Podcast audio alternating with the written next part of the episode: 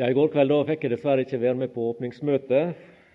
Men eh, ikke dessverre for en annen grunn, for det var kjekt å kunne kjøre på flyplassen og hente han Malvin. Men eh, Så jeg vil benytte anledningen her til å takke for de velkomstordene som jeg ikke hører. Og det var kjekt at eh, jeg skulle få anledning igjen å være med dere her på Lundeneset. I grunnen så er jeg litt stille i grunn spørsmål ved at dere spør meg om å være med og tale her, for det er så mange mange andre som har så mye mer å fare med enn jeg. Men jeg takker nå for den tilliten som dere gjennom dette her viser meg, å få være med og forkynne ordet på denne måten. Og Jeg er også glad for at jeg skal få være med og minne oss om Jesu gjenkomst. For eh, når han Johannes ringte tidligere i vinter og spurte meg om å være med her, så var i grunnen det som eh, falt i tanken nokså snart. Eh, både fordi at det er aktuelt, og fordi at når jeg liksom tenker meg om, så syns ikke at den sida ved ordet har vært framme så veldig mye i de senere åra. I hvert fall ikke i den sammenhengen som jeg har vært med. Så jeg er glad for å kunne minne meg sjøl først og fremst, men også dere om dette. For eh, jeg tror det er høgst aktuelt at Jesus han kan komme igjen i grunn når som, som helst for å hente sin dyrkjøpte brud. Nå er ikke det alle som mener det, og som ser det på den måten, men jeg er en av de som ser det slik at Jesu gjenkomst den er både for Guds folk og for Israel. Og Den som kanskje mer enn noen annen vært med og ført meg inn i, i ordets sannheter omkring dette, det er han Arne Helseth Dyrseth. Og jeg er veldig takknemlig for det som han fikk lov å bringe til meg ifra Guds ord også om, om dette. Det jeg vil eh, prøve å gjøre denne timen her, det er i grunnen slik som han antyder også han Svein i den forrige for sin del at han vil, jeg vil legge et grunnlag som jeg da håper jeg kan bygge opp de andre timene på, slik at du føler at det er en viss sammenheng mellom det jeg sier fra den ene timen til den andre.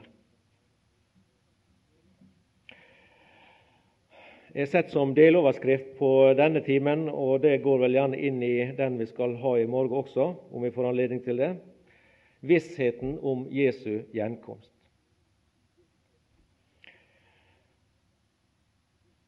Og Da vil jeg gå tilbake i tida i første omgang, for så å gå fram i tida. Den mest betydningsfulle og mest vidtrekkende begivenhet i menneskets historie, det er, så langt jeg kan se det i hvert fall, det er da Jesus Kristus, Guds sønn, kom til verden for snart 2000 år siden. Slik som vi finner det beskrevet i første del av Johannes evangelium, det første kapittel, som du kjenner så godt til. Vers 1, som beskriver hans evige eksistens og hans evige samfunn med Faderen. Eh, ordet som i begynnelsen var hos Gud, og som var Gud. Og Dette ordet det leser vi i vers 14. Det blei kjøt og tok bolig iblant oss. Eh, det tabernaklet iblant oss, det slo opp telt her. Den Herre Jesus kom fra den evige verden og ned til denne jord, og blei født som et menneske inn i denne verden. Han tok en menneskeskikkelse på seg. Og Det er et under over alle under, dette at Gud blei kjøt og tok bolig iblant oss. Og Det som skjedde da, det fikk betydning for verden. Verden ble aldri den samme etter det som skjedde i den forbindelse. Den personen som eh, fedrene, slik vi leser om i, i Bibelen, de jødiske fedre i lange, lange tider hadde venta på, trådte inn blant sitt folk. I eh, apostelgjerningene 26 og vers 6 der eh, blir det framstilt som Israels håp. Vi kan lese det verset som står der. Apostelgjerningene 26 og vers 6. Eh, det er Paulus eh, sin forsvarstale for kong Agrippa. Han sier der at eh, og nå står jeg her og skal dømmes for håp på det løftet som av Gud er gitt fedrene. Der var et løfte gitt fedrene som var et håp for Israel. Og Dette håpet var knytta til en person, til Guds Messias.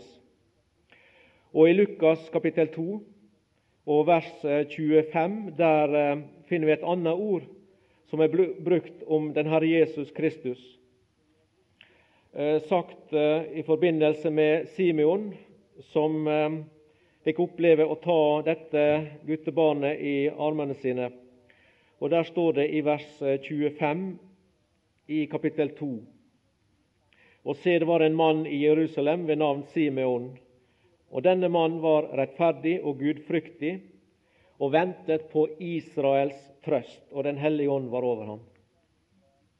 Den Herre Jesus Kristus han hadde altså for Israels folk, for fedrene våre, håpet og trøsta, som de knytta trua seg til, og som sagt håpet seg til. Og Simon han opplevde jo her å få oppfyllelsen av sine ønsker og sine bønner og alt det som eh, han hadde higa etter.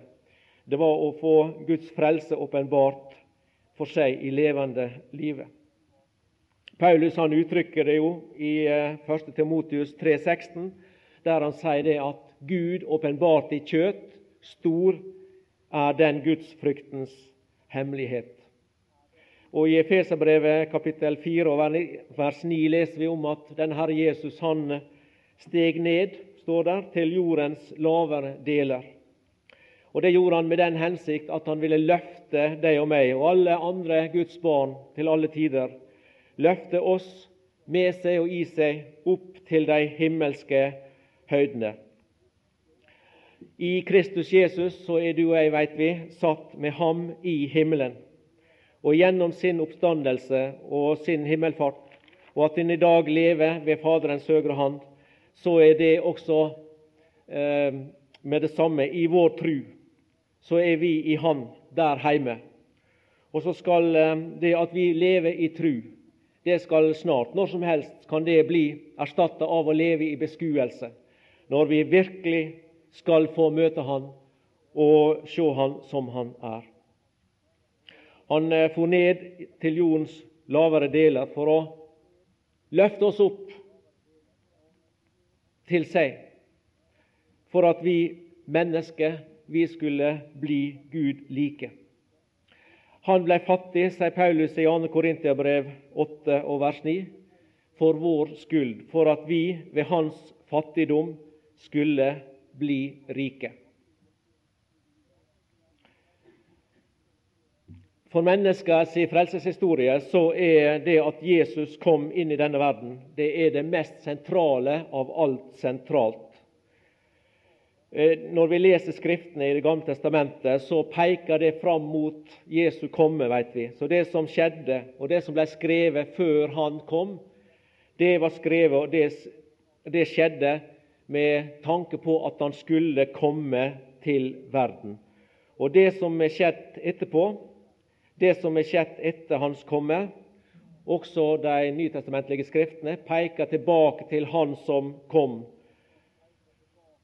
Og det som skjer og har skjedd, det skjer med tanke på at det blir fullført i Hans navn. Jesus Kristus det er det mest sentrale. Luther han sier det jo på en plass at Kristus han er Bibelens stjerne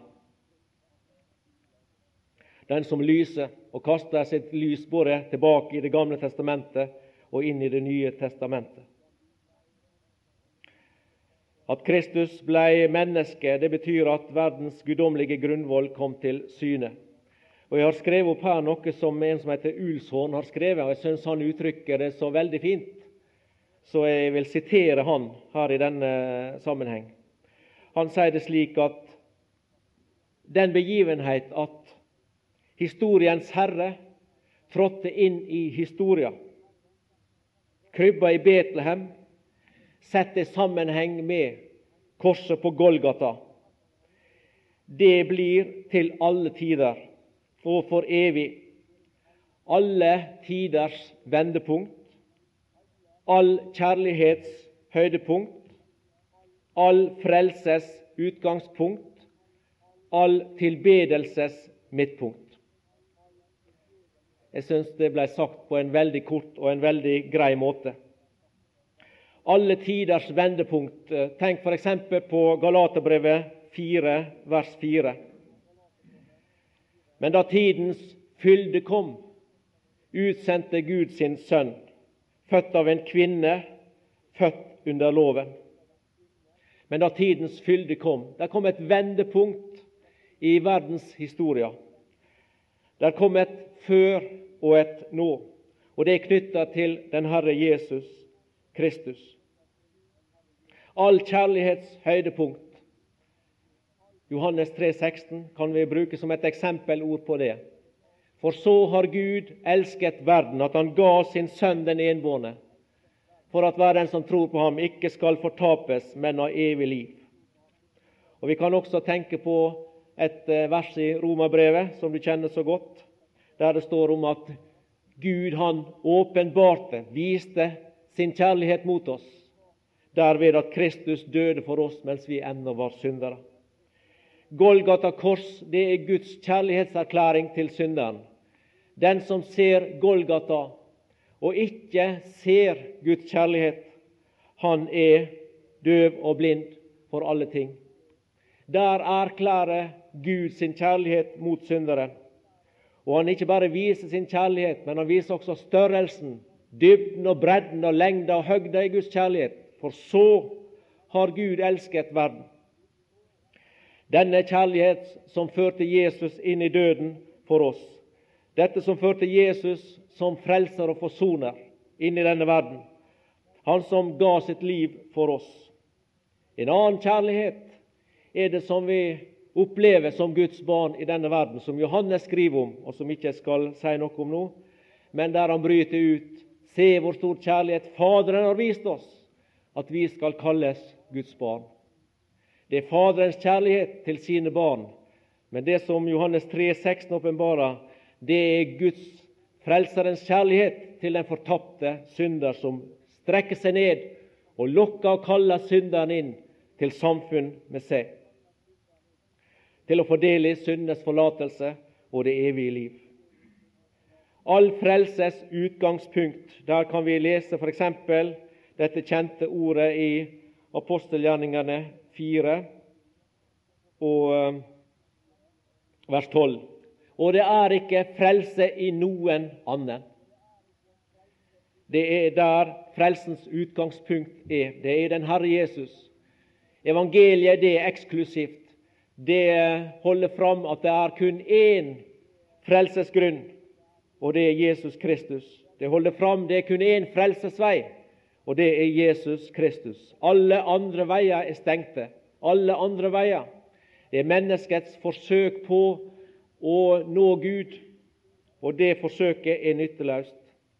Det er et svelg mellom menneske og Gud i så måte som ingen, ikke noe menneske, kan klare å komme over.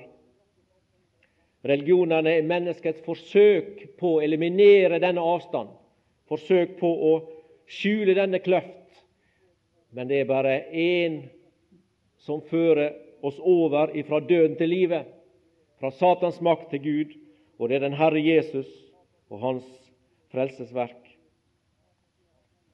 Og det er ikke frelse i noen annen, for det er heller ikke noe annet navn under himmelen gitt blant mennesker ved hvilket vi skal bli frelst.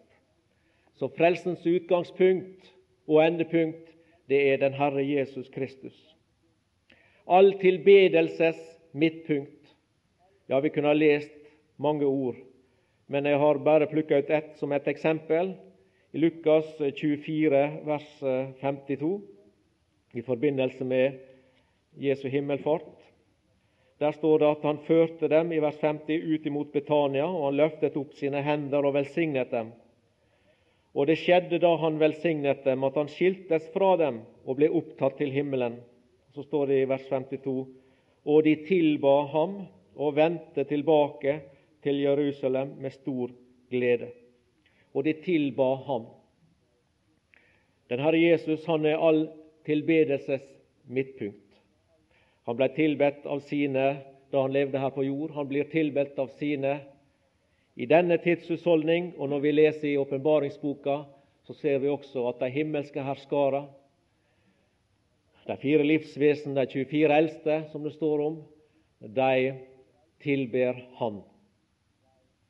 Han får den evige og rettmessige tilbedelse av sine kjære både her i tida og i den evige verden. Ja, Jesus, Gud, menneske, han som var Gud, og som blei menneske, men forblei å være Gud. Han har hatt en enorm innflytelse både på samfunn og på religion og på mange, mange ting i eh, livet opp gjennom historia. Vi kan egentlig ikke måle den, innflytelse som eh, Jesus har hatt, også på verslige folk. Og Vi ser det i vårt land. I dag er det jo i ferd med å rakne mange ting. Når vi ser tilbake, vi som har levd noen år, og, og ser kanskje 30-40 og mange av dere, en del av dere kan se 60-70 år tilbake i tid også, og minnes forskjellige ting. Og Da husker dere sikkert at også blant verslige folk, ikke-kristne eh, mennesker, eh, de hadde i grunnen Jesus, kristendommen, en veldig makt over, veldig innflytelse på. For enda de ikke var troende i sitt hjerte, så levde de i sitt liv eh, bedre og renere og kanskje mer rettferdig enn mange av oss som er Guds barn, lever i dag, i 1995. Det har eh, som sagt, og det tror jeg nok også han Svein kommer til å komme mer og mer inne på i, i sine timer, at det har nok endra seg. Og I dag lever vi i ei veldig mørk og vanskelig tid som Guds folk. Vi snakker og skriver om før Kristus og etter Kristus. Det gjør ikke bare ikke-kristne i vårt land, men faktisk eh, i land og nasjoner som eh, regner seg som ateistiske i sin, sitt vesen og i sin grunn og i sin lovgivning, også de eh, må ta i bruk forskjellige uttrykksmåter som knytter de til Herren Jesus Kristus, enten de nær sagt vil eller ei. Så Jesus han er nøkkelperson i mange sammenhenger eh, slik. Men inkarnasjonen, altså det at han kom til denne verden for snart 2000 år siden, det er ikke alt. Han eh, kom og ble født. Han levde et syndefritt liv. Han døde en stedfortredende død, vet vi. Han sto opp legemlig. Eh, det også blir jo ikke godtatt av alle i dag. Heller ikke av mennesker som eh, kaller seg kristne. Der er en del av dem, vet vi, som forkaster og fornekter Jesu legemlige oppstandelse. Men vi tror at han sto opp legemlig, at han for til himmelen, og at han i dag sitter ved Faderens høyre hånd.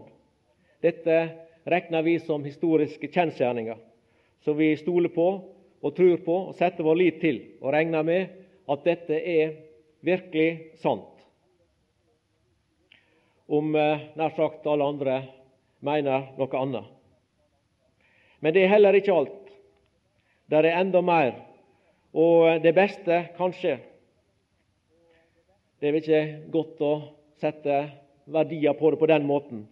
Men eh, for mange så har vi ennå det beste i vente, og det er at Bibelen forkynner at Jesus han skal komme igjen.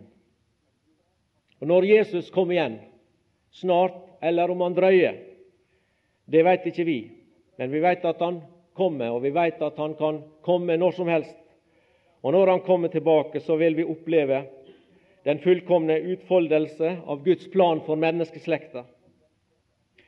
For på tross av eh, all innflytelse som eh, Kristus på mange måter har hatt i verden, så vet vi at han eh, blir forkasta av massene, noe som vi også ble minnet om i timen som var. De store massene av mennesker de forkasta han som frelser. De vil ikke ha noe med korset og blodet og syndes forlatelse å gjøre. Slik at vi kan i grunn regne det som sånn at eh, det er minoriteten, det er enkeltmennesket som han Svein var inne på, som i dag en og en tar imot Jesus Kristus som frelser og Herre og tror på Han. Det er fremdeles, også i 1995, iallfall i våre sammenhenger ofte, eh, når vi reiser rundt og vitner om Jesus i bygd og by, så ser vi at det gjerne er den lille flokk som Jesus kjennes ved. Det er ikke de store massene, det er ikke de tusentallige tilhørerskarene, selv om vi kan lese om det også ute i eh, andre land. Men slik er ikke det hos oss i den daglige virke, i alle fall. Så slik sett, når vi ser det på den måten, at vi ser noen her og noen der samles om Guds ord, så kan en kanskje tenke en litt sånn eh, negativ eh, tanke og blir litt eh, deprimert, kanskje. Og at eh, det ser litt tilsynelatende litt eh, fattigsla ut. Og at eh, Jesus han har hatt nærmest fiasko med det som han tilveiebrakte. Men det er langt fra tilfellet. Det som du og jeg bør legge oss på minne i den sammenhengen, tror jeg, det er at Guds program i denne periode som vi lever i nå, i hvert fall så langt som jeg ser det, det er ikke å omvende verden. Det er ikke at eh, land og nasjoner skal bli kristne. Gud han er opptatt med enkeltmennesket. Han former en minoritet, om du vil, for sitt navn. Eh, han former ei gruppe mennesker av alle stammer og slekter og etter, som eh, åpenbaringa sier. Men det er enkeltmennesket som han rykker ut av ilden her og der og rundt omkring. Og så danner han denne organisma, denne organiske enheten, som blir kalla for menigheten eller Kristi legeme. Men når eh, menighetens tall er nådd, da vil han hente både de levende og de hensovne troende til seg. Det er det som vi eh, kaller for bortrykkelsen, eller opprykkelsen. Og så langt som jeg ser det, og jeg sier det sikkert flere ganger fordi at eh, vi vet at det er ulike syn på endetida og de ulike begivenhetene, og delvis rekkefølge også. Men eh, jeg eh, holder fram det så langt som jeg ser det ut fra Guds ord, og så får du eh, se det så langt du ser det. Bortrykkelsen det ser jeg som det første, og så vil trengselstida følge. Og etter disse to begivenhetene, opprykkelsen til luften, til et møte med Herren, og trengselstida, som vil gå over jorderiket, så vil Herren komme synlig tilbake til jord sammen med menigheten, sammen med sine hellige. Og da vil han eh, handle med Israel. Han vil grunnlegge sitt tusenårs fredsrike. Og Det er da, når den begivenhet skjer, at eh, ord vil gå i oppfyllelse, som vi leser om både i Gamle og Det nye testamentet. Og Jeg tenker f.eks. på Filippenserbrevet 2, der det står om at eh, hvert kne skal bøye seg. Det er eh, i Kolossenserbrevet 2 og vers 11. Vi kan jo lese det, selv om de fleste av dere sikkert kan det utenat. Så at i i vers 10, så at i Jesu navn skal hvert kne bøye seg, dere som er i himmelen og på jorden og under jorden, og hver tunge bekjenne at Jesus Kristus er Herre, til Gud Faders ære. Hvert kne skal bøye seg, deres som er i himmelen og på jorden og under jorden. Og Der ser vi at eh, under står det også henvisning til åpenbaringa kapittel 5 og eh, vers 13, og jeg leser det også. Og hver skapning som er i himmelen og på jorden og under jorden og på havet, og alt det som er i dem, hørte jeg si, Ham som sitter på tronen og lammet, tilhører velsignelsen og æren og prisen og styrken i evighet. Vi har også et uttrykk i Habakuk, profeten Habakuk, i det andre eh, kapittel og 14. vers. Det vil også få sin oppfyllelse i det tusenårige fredsriket. Der står det slik:" For jorden skal fylles med kunnskap om Herrens herlighet, like som vannet som dekker havets bunn. Og Der er det henvist til Esaias kapittel 11, og vi kan også bla fram til det og lese noen vers der. Vi kan gå inn i vers 5. Rettferdighet skal være belte om hans lender, og trofasthet belte om hans hofter. Da skal ulven bo sammen med lammet, og leoparden ligge hos kje, og kalven og den unge løve og gjøfeet skal holde seg sammen, og en liten gutt skal drive dem. Ku og bjørn skal beite sammen, deres unger skal ligge hos hverandre, og løven skal ete halm som oksen. Diebarnet skal leke ved huggormens hule, og over basiliskens hull skal det avvente barn rekke ut sin hånd. Ingen skal gjøre noe ondt, og ingen ødelegge noe på hele mitt hellige berg. For jorden er full av Herrens kunnskap, like som vannet dekker havets bunn.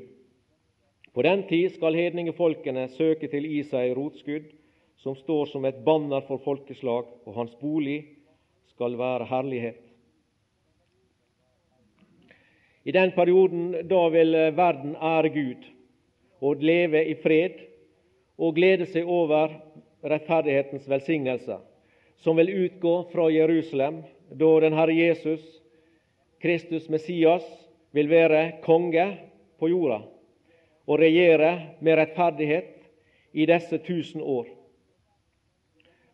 Og Da vil også verdens mennesker, de som lever da, folka, de vil på den tid kjenne Jesu Kristi personlige nærvær som kongenes konge og herrenes herre. Slik er ikke det i dag. I dag vet vi at den Herre Jesus han er forkasta av de store masse. I land etter land så ser vi at eh, det som har med de bibelske sannheter å gjøre, de blir trådt under fot. Og Vi ser at også i vårt eget land så blir det laga lover som blir godkjent av det norske storting, eh, som eh, ikke er i tråd med Guds ord og med Bibelens sannheter. Og Vi opplever bl.a. at det blir laga lover som gjør at det er muligheter med statens velsignelse og, eh, for å si det som det er, ta livet av ei 15 000 barn, eh, det som blir kalla for abort, i løpet av et år. Og Det blir gjort med statens velsignelse. Og eh, Når vi hører på disse folka som forsvarer det, så skjønner vi at de har ikke sans for Guds ord og for de prinsipp for liv som Gud har nedlagt. Det er egoismen som rår. Det er um, egenkjærligheten som er i høysetet. Vi må bare og kan bare beklage at slik er det. Og Også inne i de kristnes rekker vet vi at det er syn på Guds ord som gjør det mulig å godta og godkjenne og nærmest applaudere eh, livsholdninger og livsstiler som er i tvert i strid med Guds ord. Vi vet alle sammen, kan tenke på dette med, som er oppe i tida i dag, om eh, homofili og samboerskap og disse tingene her. Helt opp til den øverste såkalte åndelige ledelse i Den norske kirke så eh, forfekter de synspunkt som er, er totalt i strid med Guds ord. Så det er en mørk tid vi lever i. Det er ikke noen tid der Jesus er den populære, der han er den som rår. Måtte han bare få råde rett i våre hjerter, du og jeg som er her, som vi ble så fint oppfordra til i timen som var. At den Herre Jesus må få innflytelse i våre liv, slik at eh, vi kan være med og bygge opp muren. Og være med på å gjenreise de tingene som er nedbrutt, og som skulle være til et vern for Guds folk, for den enkelte kristne og for eh, Guds forsamling rundt omkring. Gud han er fra evighet lagt den plan at den tid som nå er, som vi kaller for nådens tidshusholdning, eller menighetens tidsperiode, den skulle komme imellom Kristi første eh, og hans andre komme.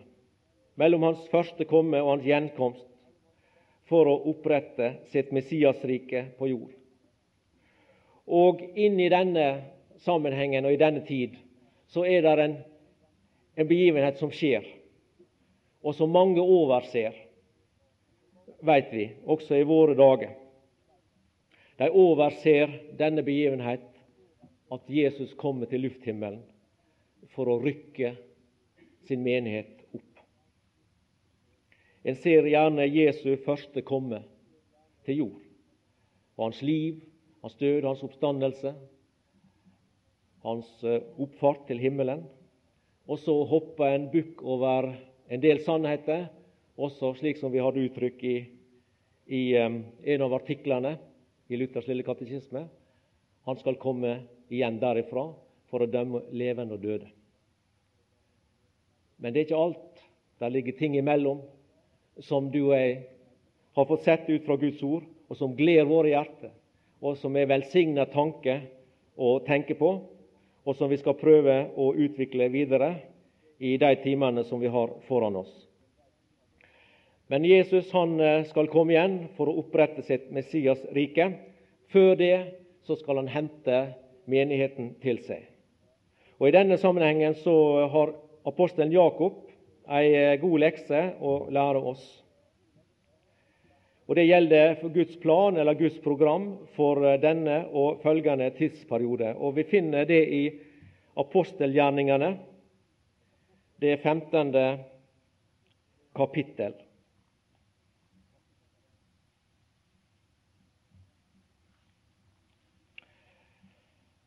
ifra vers 13.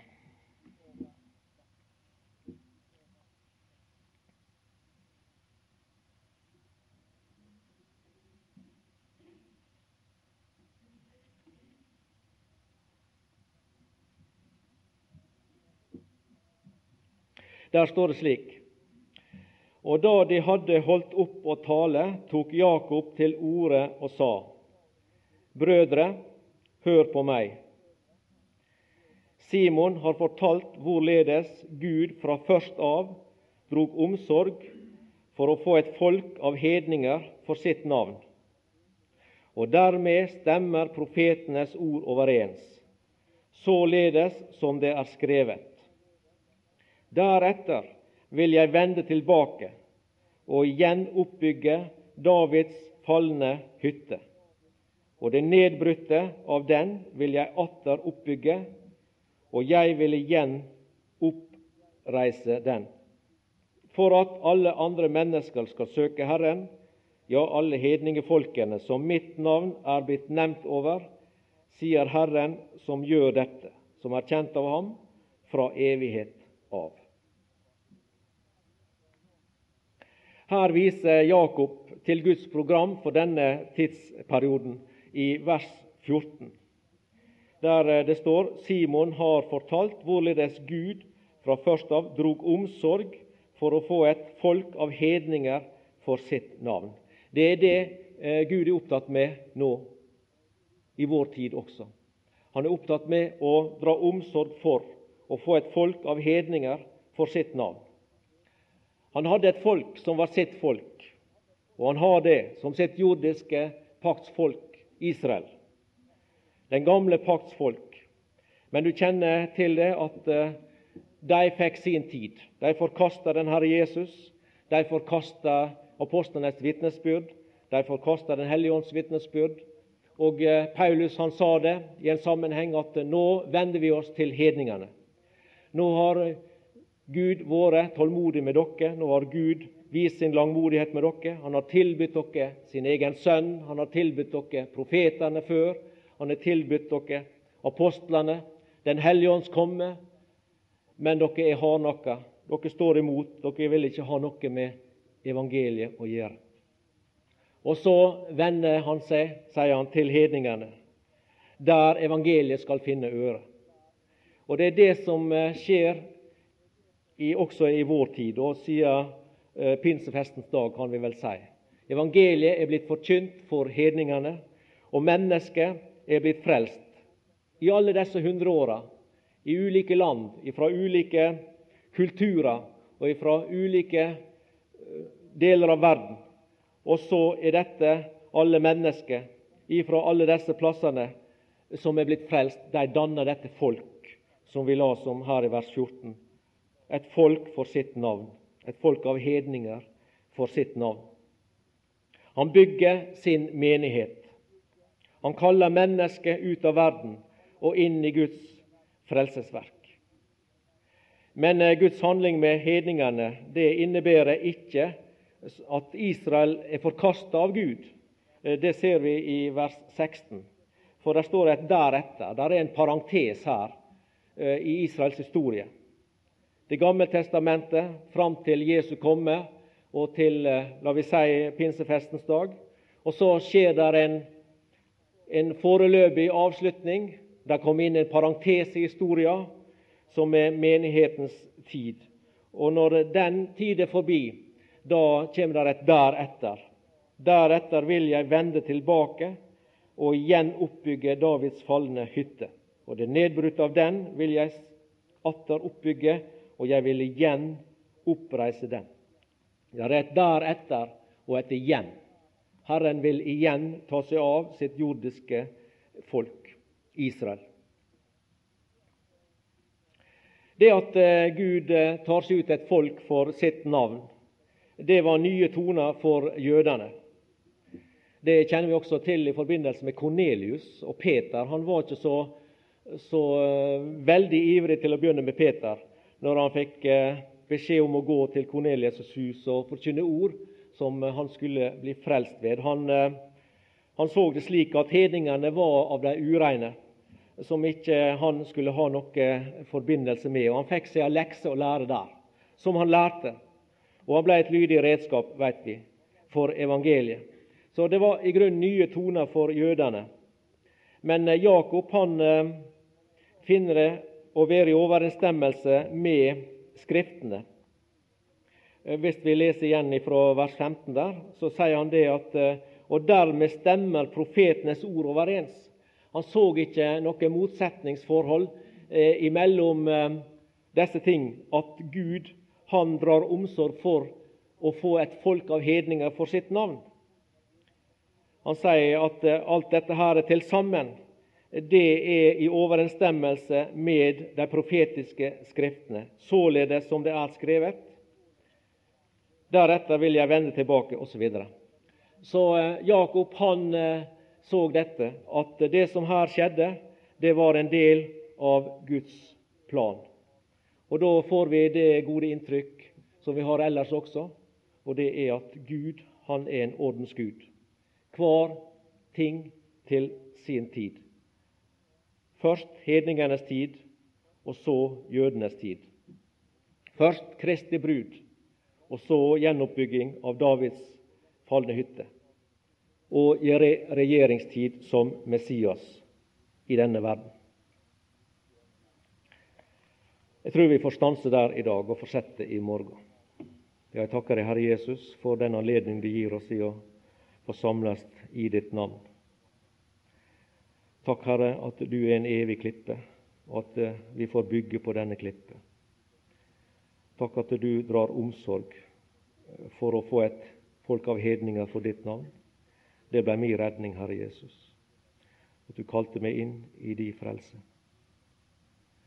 Du fant meg der ute i verdens ørken, og så løfter du meg opp på dine frelses skuldre, og så ber du meg hjem. Takk for den uh, tålmodighet du viser. Takk for den omsorg du viser. Takk for den uh, barmhjertighet du viser. Takk, Herre, for alt det du er for meg og for oss. Det er deg alene som skal ha takka og prisen og æren her i tida og i evigheten, for at du frelste oss, bevarer oss og fører oss inn i den evige herlighet. Ta deg av resten av dagen, Herre. Velsign time og møte og det som foregår. I ditt navn. Amen.